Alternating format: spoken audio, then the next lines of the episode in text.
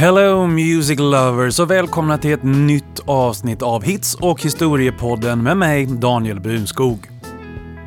Denna gången ska vi ta oss upp på övre halvan av 80-talet och det är verkligen på tiden för där har vi inte varit sedan i avsnitt två i den här poddserien. Vi ska landa mjukt i 1987, som är ett av de bästa musikåren jag vet. Framförallt för att det levererades klassiker inom både pop och rock det här året. Det var en lång lista med låtar som till slut blev tio och tyvärr fanns det då inte längre plats för att prata mer ingående om det svenska turnéklassikern Rock runt riket, det popmusikorienterade tv-programmet Listan, eller för all del premiäråret för MTV Europe. Istället kommer jag att fokusera på tio låtar som hamnade högt på topplistorna runt om i världen men eftersom vi befinner oss i ett år där jag själv var 14 år gammal så är det oundvikligen så att det har smugit in ett par låtar som kanske var högre på min personliga lista än på de listor som presenterades på Tracks eller Billboard Hot 100. Nu kör vi igång.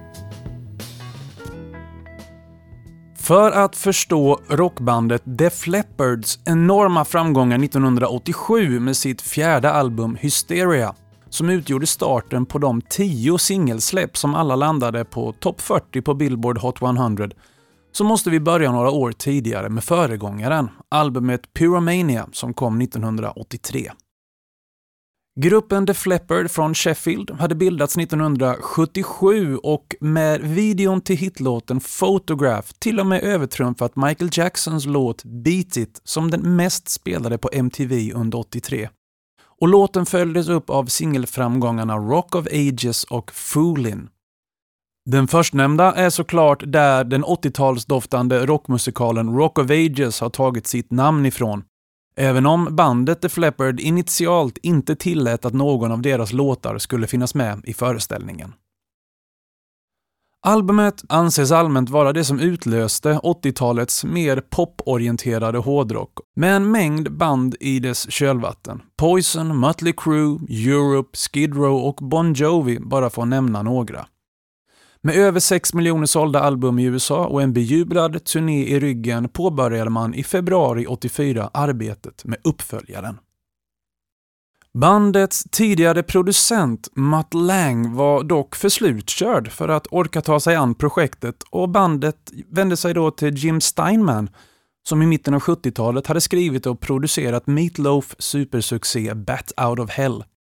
Men samarbetet föll inte väl ut då Steinman ville göra ett råare rockalbum medan bandet ville fortsätta med den framgångsrika, poppigare rockstilen. Man beslöt sig för att själva producera albumet, men arbetet gick trögt. På nyårsafton 84 var bandets trummis Rick Allen involverad i en bilolycka där hans vänsterarm skadades så svårt att han blev tvungen att amputera den. Men fast besluten att komma tillbaka och med bandets fulla stöd designade han ett specialtrumset där han med fötternas hjälp kunde kompensera för den saknade armen. Men naturligtvis gjordes inte detta på nolltid och bandet slet med både låtskrivande och inspelningar. Men plötsligt, under 1985, så återvände deras tidigare producent Mutt Lang. Och nu tog arbetet fart. Albumet blev klart i januari 87, ungefär tre år efter att man hade påbörjat det, och kostnaderna hade minst sagt dragit iväg. Beskedet från skivbolaget var att albumet skulle behöva sälja i minst 5 miljoner ex innan det ens skulle börja gå plus. Låten Animal, som blev singeln som presenterade det nya albumet Hysteria för den framförallt amerikanska väntande marknaden, var antagligen den av låtarna som hade varit svårast att få klar, trots att det var en av de första man började jobba med under 1984. Varken bandet eller deras olika producenter lyckades få till det sound som man önskade och låten var den enda från albumet där Rick Allen hann spela in en ordentlig demo innan han råkade ut för sin olycka. Och när inte demon funkade så försökte man med en ny version där trummorna ersattes av en trummaskin, men inte heller den versionen kändes helt rätt förrän bandets sångare Joe Elliott sjöng in sin del i juli 85. Sångpålägget blev så bra att bandet beslutade sig för att behålla sångspåret och spela in alla andra instrument igen, inklusive trummorna, där nu Allen var tillbaka på sitt specialdesignade trumset efter bilolyckan. Singeln blev en jättehit i USA och för första gången fick bandet även framgång på hemmaplan i England och i övriga Europa. Animal följdes upp av ytterligare sex singlar från albumet, bland annat Pour Some Sugar On Me, Love Bites och Hysteria. Och albumet har till dags dato sålts i över 20 miljoner ex världen över. Och det gör därmed Def Leppard till ett av de absolut mest framgångsrika rockbanden genom alla tider.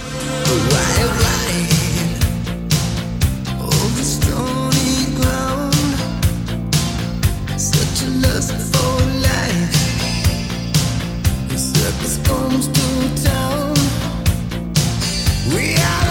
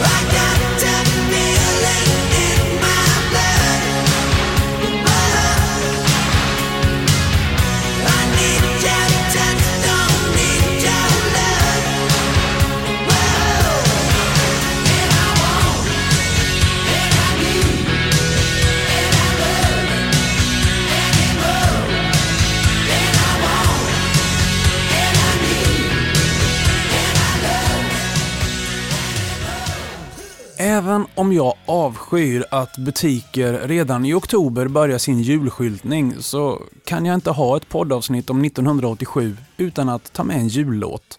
Nämligen Fairy Tale of New York. Låten framfördes av den brittiska sångaren Kirsty McCall tillsammans med bandet The Pogues som var ett engelskt, eller ja, angloirländskt punkband ledda av bandets sångare och huvudsakliga låtskrivare Shane McGowan. The Pogues bildades i London 1982 under namnet Pogue Mahone som var en anglifiering av det gaeliska uttrycket Pogue Montium som betyder kyss mig i röven med reservation för uttalet på det gaeliska uttrycket.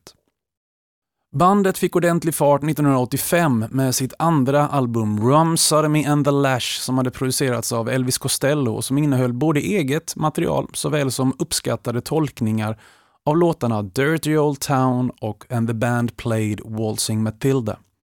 Men man misslyckades med att ta tillvara på det momentum som framgången skapade, främst på grund av McGowns svängande humör påeldat av hans alkoholmissbruk. Bandet höll sig ändå så stabilt att man kunde spela in en uppföljare, det nya albumet If I Should Fall From Grace With God, som var ytterligare en nivå upp i kvalitet och låtskrivarhantverk. Och det är på detta album som vi hittar Fairy Tale of New York. Låten skrevs av McGowan tillsammans med Jem Finer som spelar banjo i bandet och som var den som skapade melodislingan och själva grundhistorien som låten bygger på. McGowan vill göra gällande att låten skapades som resultatet av en vadslagning med dåvarande producenten Elvis Costello som utmanade bandet att skriva en julhit. Och majoriteten av den ursprungliga texten skrevs faktiskt i Malmö under hösten 85 där McGowan låg nedbäddad i lunginflammation efter att ha blivit sjuk under bandets Skandinavien-turné. Och den första versionen av låten spelades in redan i januari 86. Vi ska få höra lite utav den här.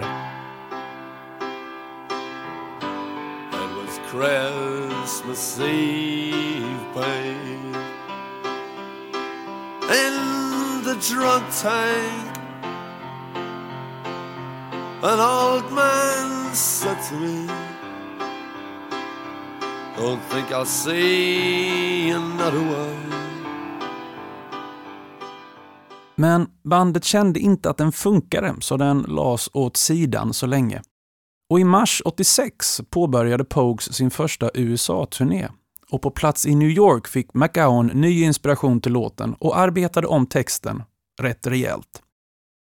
När man till slut gick in i studion igen för att spela in det nya albumet tidigt 87 så producerades det den här gången av Steve Lillywhite. Och i brist på andra alternativ så lät han sin fru Kirsty McCall sjunga in den kvinnliga delen i Fairytale of New York i deras lilla hemmastudio. När han tog med sig inspelningen tillbaka till Stiff Records inspelningsstudio där bandet jobbade så blev de så imponerade att de bestämde sig för att hålla Kirstys sång kvar och McGowan sjöng in sina sångpartier igen för att perfekt matcha hennes. Låten släpptes som singel i november 87 och blev en av de bäst säljande låtarna i Storbritannien det året, trots att den släpptes så sent på året. Sedan dess har den gått upp på de brittiska hitlistorna vid 17 olika jular och har mer än en gång röstats fram som den bästa alternativa julsången någonsin. It was Christmas Eve, babe, in the drunk tank. An old man said to me, Won't see another one. And then he sang a song, the rare old mountain tune. I turned my face away and dreamed about you.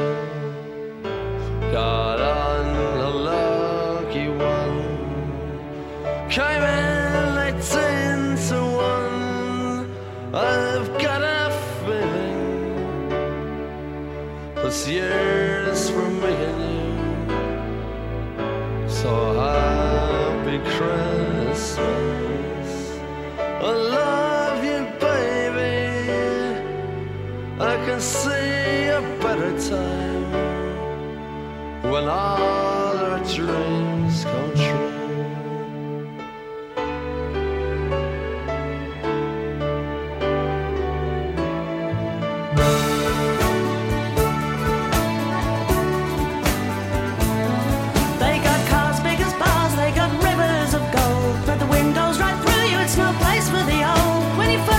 hand on a cold Christmas Eve, you promised me Broadway was waiting were pretty queen of New York City when, When the band finished playing, they held out for more. Sinatra was swinging, all the drunks they were singing. We kissed on the corner, then danced through the night.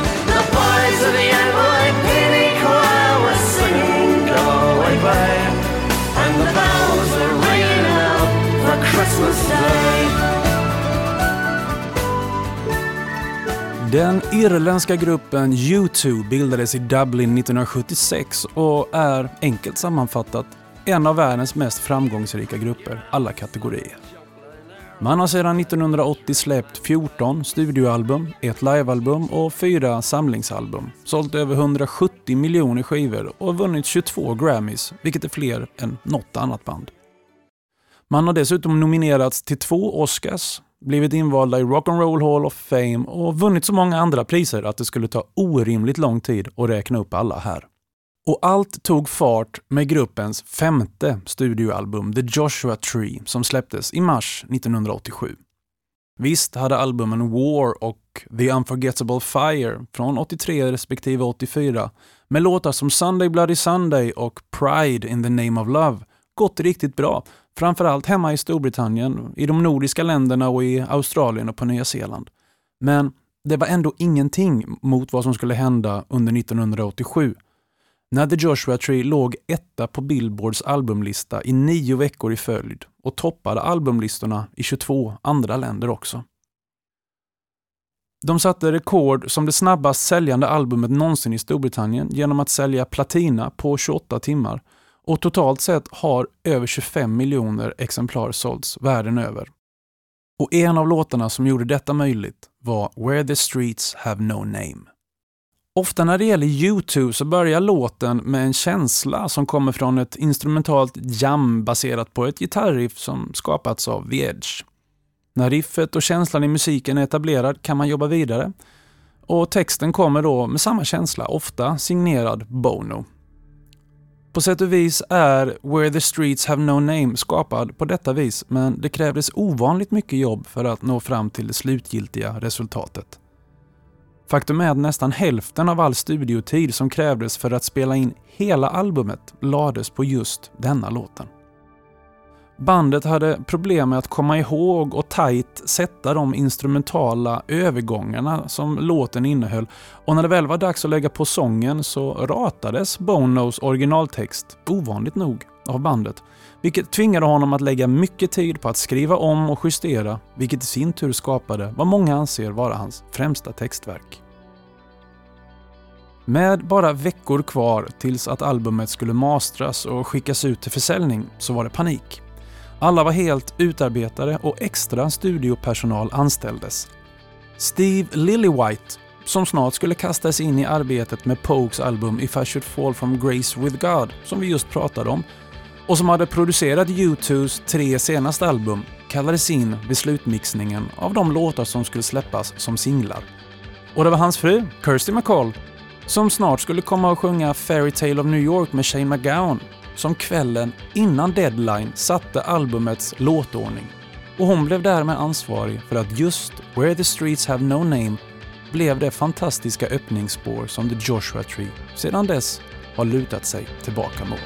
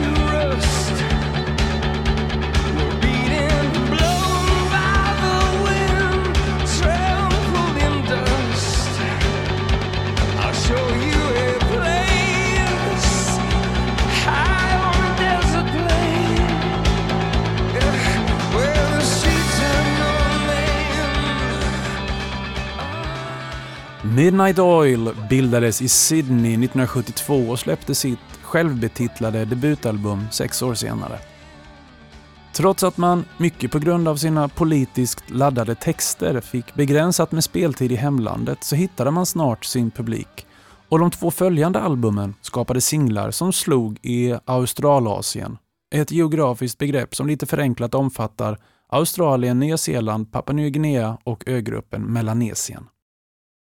Bandets politiska engagemang minskade aldrig när framgångarna började komma och man spenderade flera månader av 1986 i Australiens outback där man höll konserter och samtal i avlägsna aboriginbyar. Intrycken man samlade där skulle ligga till grund för det kommande albumet Diesel and Dust i allmänhet och bandets internationella genombrottslåt Beds Are Burning i synnerhet. Diesel and Dust spelades in under början av 87 och låtarna fokuserade på behovet av ett erkännande från Australiens vita befolkning av tidigare orättvisor mot landet ursprungsbefolkning samt behovet av försoning. Albumet släpptes i augusti 87 och blev snabbt en succé på hemmaplan och framgången med framförallt Beds of Burning spreds till USA, vilket resulterade i en USA-turné 88. Och snart var Midnight Oil inte bara en australiensisk angelägenhet utan en internationell superframgång.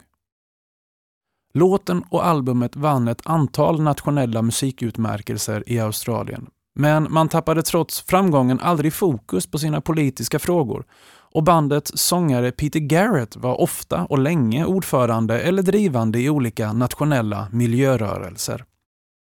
Under perioden 93 till 98 satt han med i Greenpeace internationella styrelse innan han engagerade sig som minister i den australiensiska regeringen under perioden 2007 till 2013. Och mycket av det drivet lyser igenom i Midnight Oils superhit från det magnifika musikåret 1987.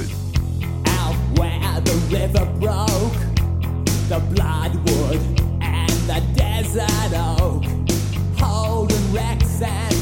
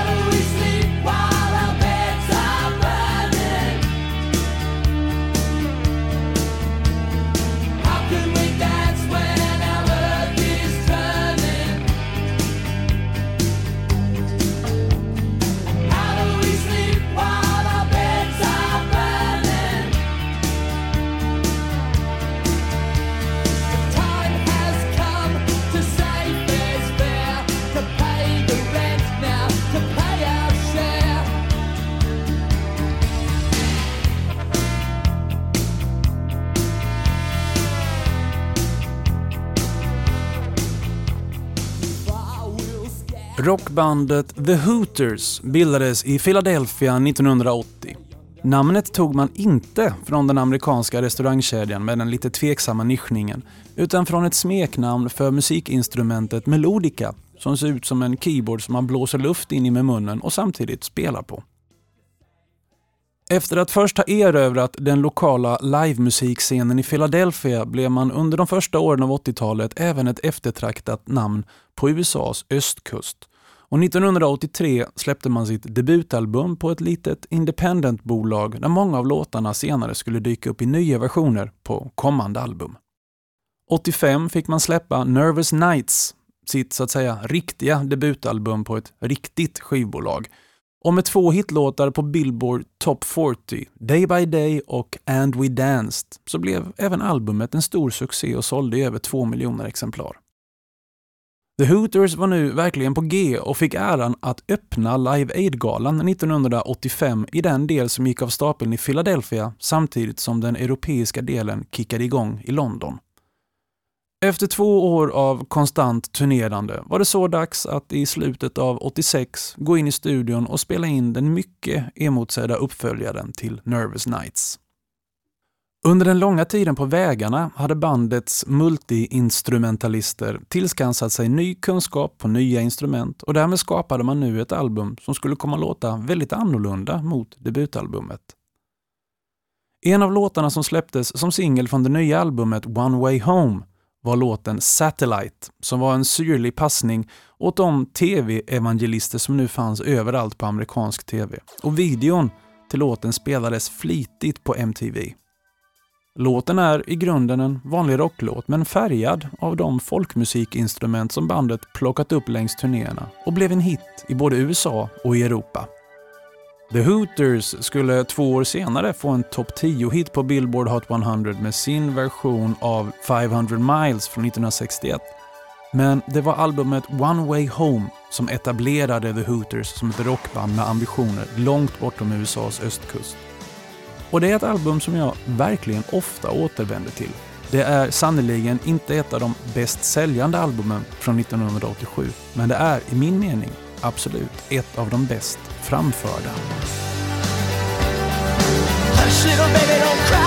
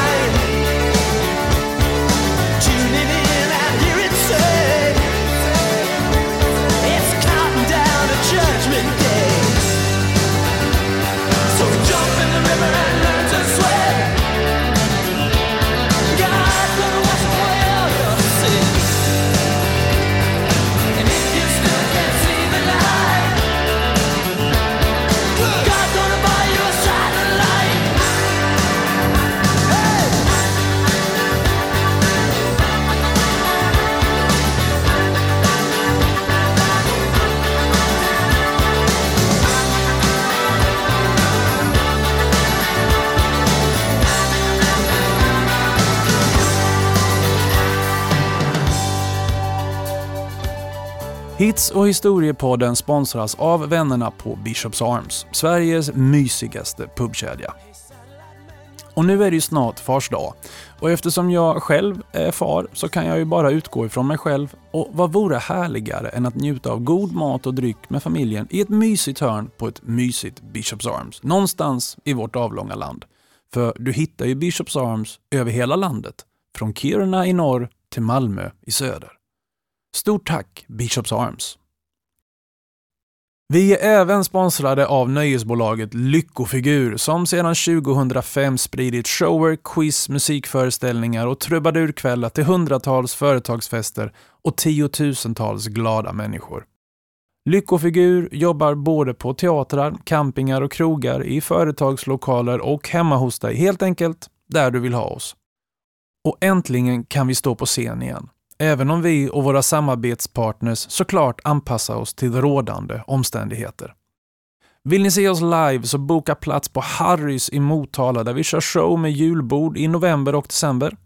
Titta in på hemsidan för Harrys Motala eller hos oss på lyckofigur.se för att hitta de aktuella datumen.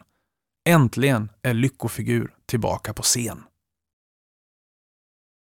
När Guns N' Roses släppte sitt debutalbum Appetite for Destruction i juli 87 var det nog ingen som trodde att det 30 år senare skulle betraktas som ett av de bästa rockalbumen som någonsin har släppts och i synnerhet vad det gäller debutalbum. Men med över 30 miljoner sålda exemplar världen över så är det nog ingen överdrift att påstå att få hårdrocksalbum har haft en sån påverkan på musiklandskapet som Appetite for Destruction. Och vad det gäller öppningsspår så är det få rockalbum, med undantag för Led Zeppelin som alltid la väldigt stor vikt vid just detta, som har ett så starkt öppningsspår som Welcome to the Jungle. Guns N' Roses bildades 1985 i Los Angeles och spelade sitt första gig bara två dagar efter det, varpå man drog ut på en liten miniturné ytterligare två dagar senare. En turné som dock fick avbrytas då båda fordonen som man transporterade sig själva och sina instrument i gick sönder och man helt enkelt fick lifta tillbaka till Los Angeles. Men det säger ändå något om vilken drivkraft som fanns i det här bandet redan från start. Under 1986 blev man ett av de stora livebanden på Hollywoods klubbscener, som exempelvis på The Troubadour och The Roxy. Vilket gjorde att skivbolagen blev nyfikna och snart hade man skrivit ett skivkontrakt med Geffen Records. Man släppte snabbt en liten live-EP, mest för att folk skulle hålla bandet kvar i minnet medan man drog sig tillbaka till studion för att skriva och färdigställa sitt debutalbum.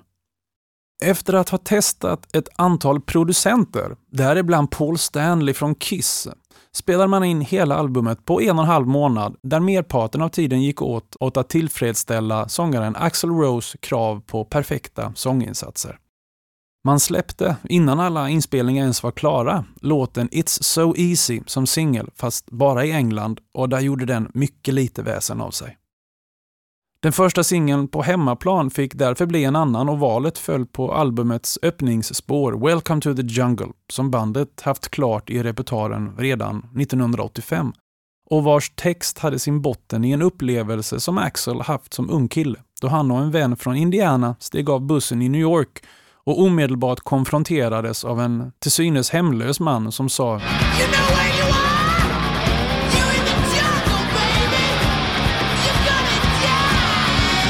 Nu tog det fart och låten flög upp för Billboard Hot 100. Den landade som sjua och beredde vägen för två andra singlar från albumet, Sweet Child of Mine och Paradise City, som båda blev stora framgångar. De kommande fem åren skulle bandet vara det största och bästa hårdrocksbandet på jorden innan interna strider släckte lågan. Men ingenting kan ta ifrån bandet det faktum att de med Appetite for Destruction ritade om kartan för hur hårdrock skulle spelas. Åtminstone där och då.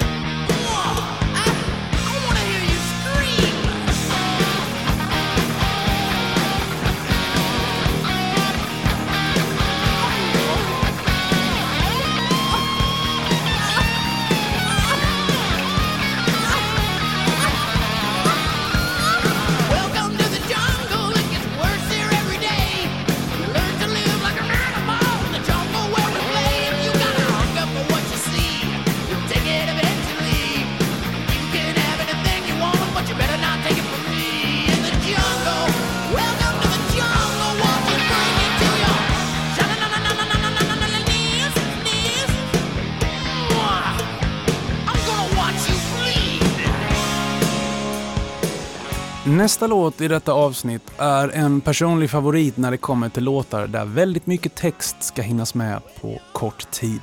Andra bubblare i den genren är Bob Dylans Subterranean Homesick Blues och Billy Joels We Didn't Start the Fire. Den här låten, som dök upp 1987 och som passande nog även har en ordpackad titel, heter It's the end of the world as we know it and I feel fine och gruppen är R.E.M.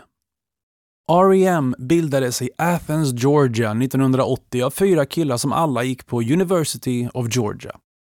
Frontman i bandet blev sångaren Michael Stipe som också var den som skrev den absoluta merparten av texterna till bandets låtar. Man släppte sin första singel, Radio Free Europe, 1981 på ett litet independent-bolag och den togs med tanke på att bandet var helt okänt mycket väl emot och gav dem i sin tur ett skivkontrakt med betydligt större IRS Records, som var kända inte minst för att grupper som The Go-Go's och The Police hade spelat in där. Debutalbumet kom 1983 och tog sig upp till 36 platsen på Billboard-listan och sen följde ett album om året fram till 1987. R.E.M. liksom Midnight Oil som vi pratat om tidigare, var ofta inne på politisk mark i sina texter. Men detta hindrar inte bandet från att växa i popularitet album för album. I mars 87 gick man så in i studion för att spela in sitt femte album som kom att få titeln Document. Och steget mot rockigare musik än tidigare visade sig vara rätt val då man nu med singeln The One I Love fick sin första topp 10-placering på Billboard Hot 100. Den andra singeln som släpptes från Document var It's the end of the world as we know it and I feel fine och byggde på låten PSA som bandet hade skrivit året innan men aldrig givit ut. Och det finns onekligen stora likheter. Hör här. Först PSA och sen It's the end of the world as we know it.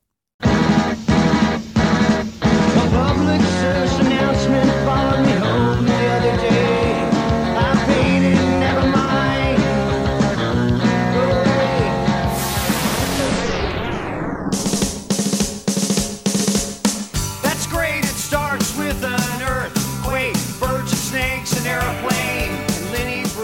Låten är känd för sin snabba inre monolog på, på engelska kallad Stream of Consciousness med många olika referenser som till synes inte har med varandra att göra, till exempel en kvartett med individer med initialerna LB, Leonard Bernstein, Leonid Brezhnev, Lenny Bruce och Lester Banks.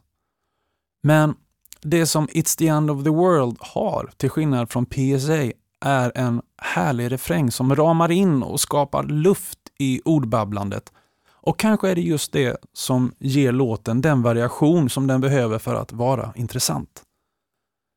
1992 spelades låten om och om igen under ett helt dygn för att introducera det nya dygnet runt-formatet på radiostationen The End i Cleveland, Ohio. Och under coronapandemins inledande fas i mars i år så ökade nedladdningen av låten från iTunes med 184 procent jämfört med föregående månad. Så att låten håller sig aktuell än idag, det råder det ingen som helst tvekan om. That's great, it starts with an earthquake, birds and snakes, and airplanes.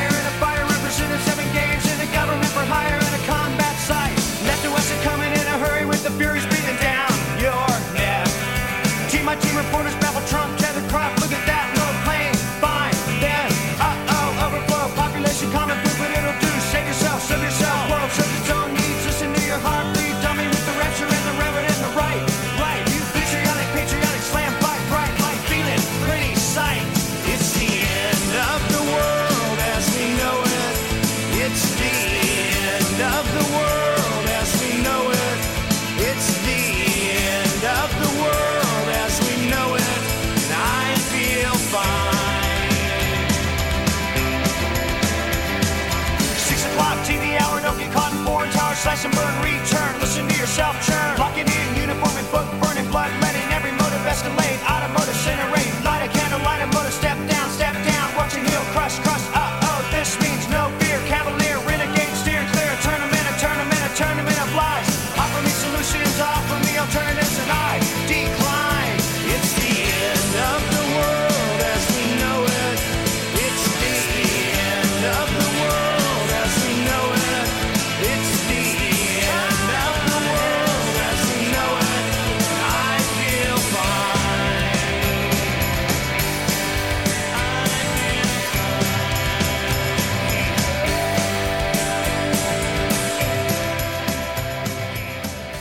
Gordon Summer, mer känd under artistnamnet Sting, var den huvudsakliga låtskrivaren, leadsångaren och basisten i New Wave-rockbandet The Police från 1977 till 84, då han, när bandet stod på karriärens absoluta topp, sa att han behövde ta en paus från The Police. Han bestämde sig för att satsa på en solokarriär istället och släppte 1985 det jazzdoftande albumet The Dream of the Blue Turtles. Albumet blev en stor framgång med singlar som If You Love Somebody Set Them Free och Russians, som starkt bidrog till att albumet blev en succé. Som soloartist kunde han dessutom kasta sig in i vilka samarbeten han önskade och sjöng bland annat körsång på två låtar på Phil Collins album No Jacket Required. Han var involverad i välgörenhetssingeln Do They Know It's Christmas 84 och eh, Dire Straits låt Money for Nothing våren 85. Nästa soloalbum, Nothing Like the Sun, släpptes i oktober 87 och här doppar han tårna i en mängd olika genrer. Poprock, softrock, jazz, reggae, world music och funkrock för att nämna några.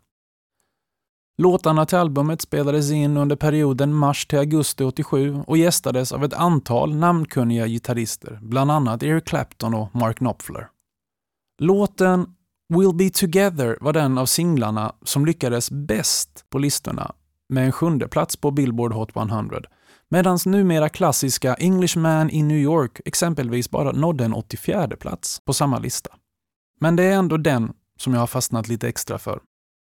Sting skrev låten om en vän, den homosexuella ikonen tillika skådespelaren och författaren Quentin Crisp, som är engelsmannen i titeln.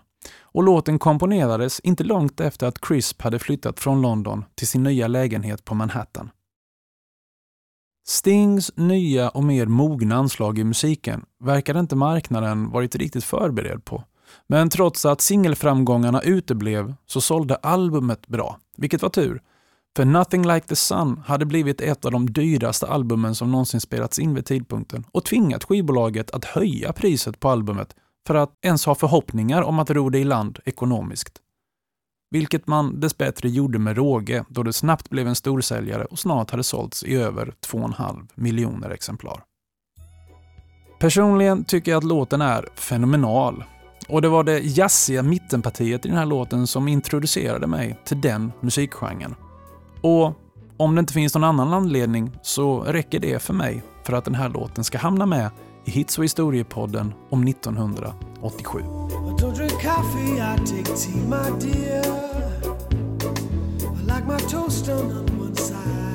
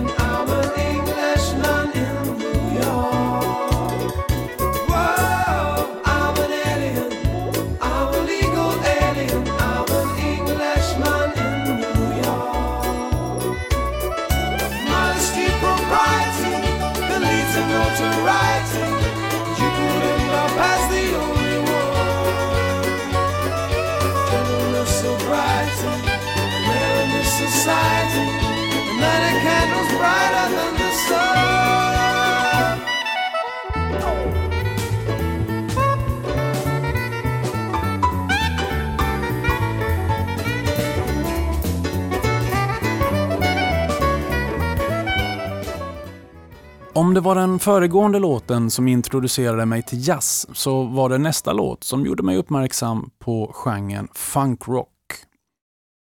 Gruppen Was Not Was bildades i Detroit 1979 av multiinstrumentalisterna David Wise och Don Fagenson som på scen antog scenpersonligheterna David Was och Don Was.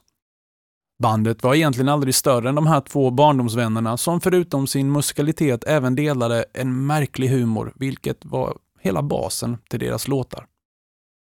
Man tog dock in musiker och sångare för att gästspela på de olika låtarna efter behov och med hjälp av 36 olika gästmusiker samt en barnkör från en mellanstadieskola släppte man sitt självbetitlade debutalbum 1981.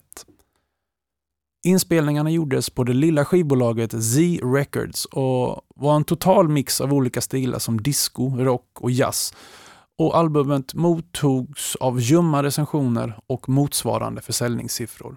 Men det var tillräckligt spännande för att bandet skulle uppmärksammas och bli erbjudna ett skivkontrakt av ett större bolag, i det här fallet Geffen Records, som samma år alltså släppte Appetite for Destruction med Guns N' Roses som vi pratade om lite tidigare.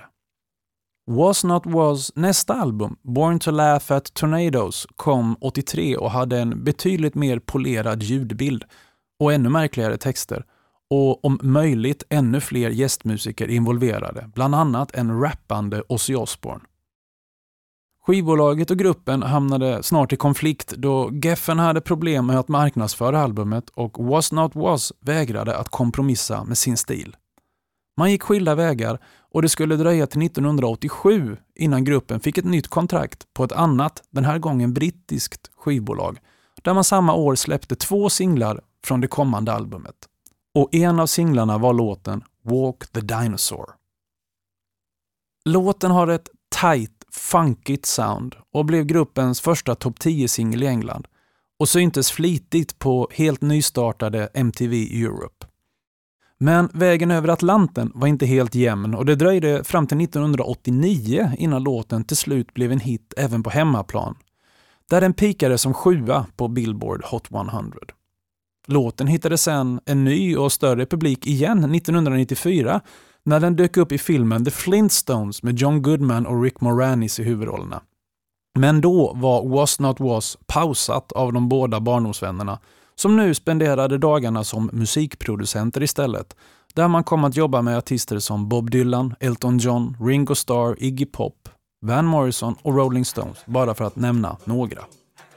Senast vi hörde något från Was Not Was var albumet Boo som kom 2008 och kanske blir det inte mer.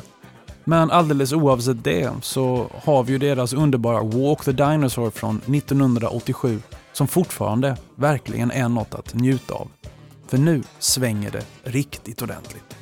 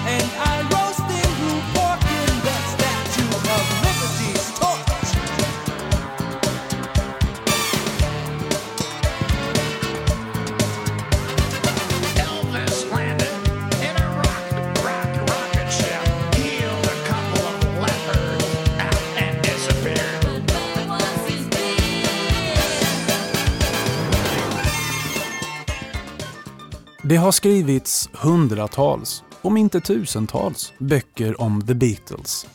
Men när det gäller låtar om bandet så är det färre. Och än färre om man ska se till de musikaliska kommentarerna från bandmedlemmarna själva. Men det finns ett antal undantag. Early 1970 med Ringo Starr, God med John Lennon, Here Today med Paul McCartney och When We Was Fab med George Harrison för att nämna några. Och det är den sistnämnda som jag har valt att avsluta det här poddavsnittet med. When We Was Fab dök upp på George Harrisons elfte och sista soloalbum Cloud9 som kom 1987 efter en fem år lång paus från livet som soloartist. Albumet hyllades stort av både kritiker och publik och Harrisons cover av Rudy Clarks ganska okända låt Got My Mind Set On You blev en listetta på både Billboard Hot 100 och i många andra länder. Ytterligare fyra framgångsrika singlar släpptes från Cloud9, vilket såklart starkt bidrog till albumets framgång. Och den som följde upp Got My Mind Set On You var Beatles tillbakablicken When We Was Fab. Harrison skrev låten tillsammans med Jeff Lynne som också kom att producera det kommande albumet i slutet av 1986 när de var i Australien för att se på Formel 1. De hamnade på en middag i någons hus, oklart vems, och det fanns en flygel där. De satte sig båda ner och började skriva på låten och spelade sedan in det de hade fått ihop på en kassett som man tog med sig tillbaka till England. Där färdigställdes musikspåret och sen skrev Harrison texten som är en nostalgisk reflektion av Beatlemania-dagarna, framförallt under åren 1964 till 66, då Beatles ofta kallades för The Fab Four. Inspelningen arrangerades med det psykedeliska sound som Beatles hjälpt till att popularisera 66-67 genom att använda sitar, cello och baklängesuppspelande effekter och Harrison sa själv att han ville att musiken skulle låta som om det kunde varit något som Beatles spelat in runt 67 med albumen Sgt. Pepper och Magical Mystery Tour. Ringo Starr spelar trummor på ett par av låtarna på albumet och bland annat på When We Was Fab, vilket naturligtvis ger det en ökad nostalgisk känsla. Harrison var odiskutabelt en mycket kompetent låtskrivare och sångare och sällan blev det bättre än på albumet Cloud9. Och When We Was Fab är en värdig avslutning på det här underbart varierade musikåret. Tack för att ni har lyssnat på podden om 1987. Vi hörs snart igen. Ha det gött. Hej! Back then, long time ago, when grass was green.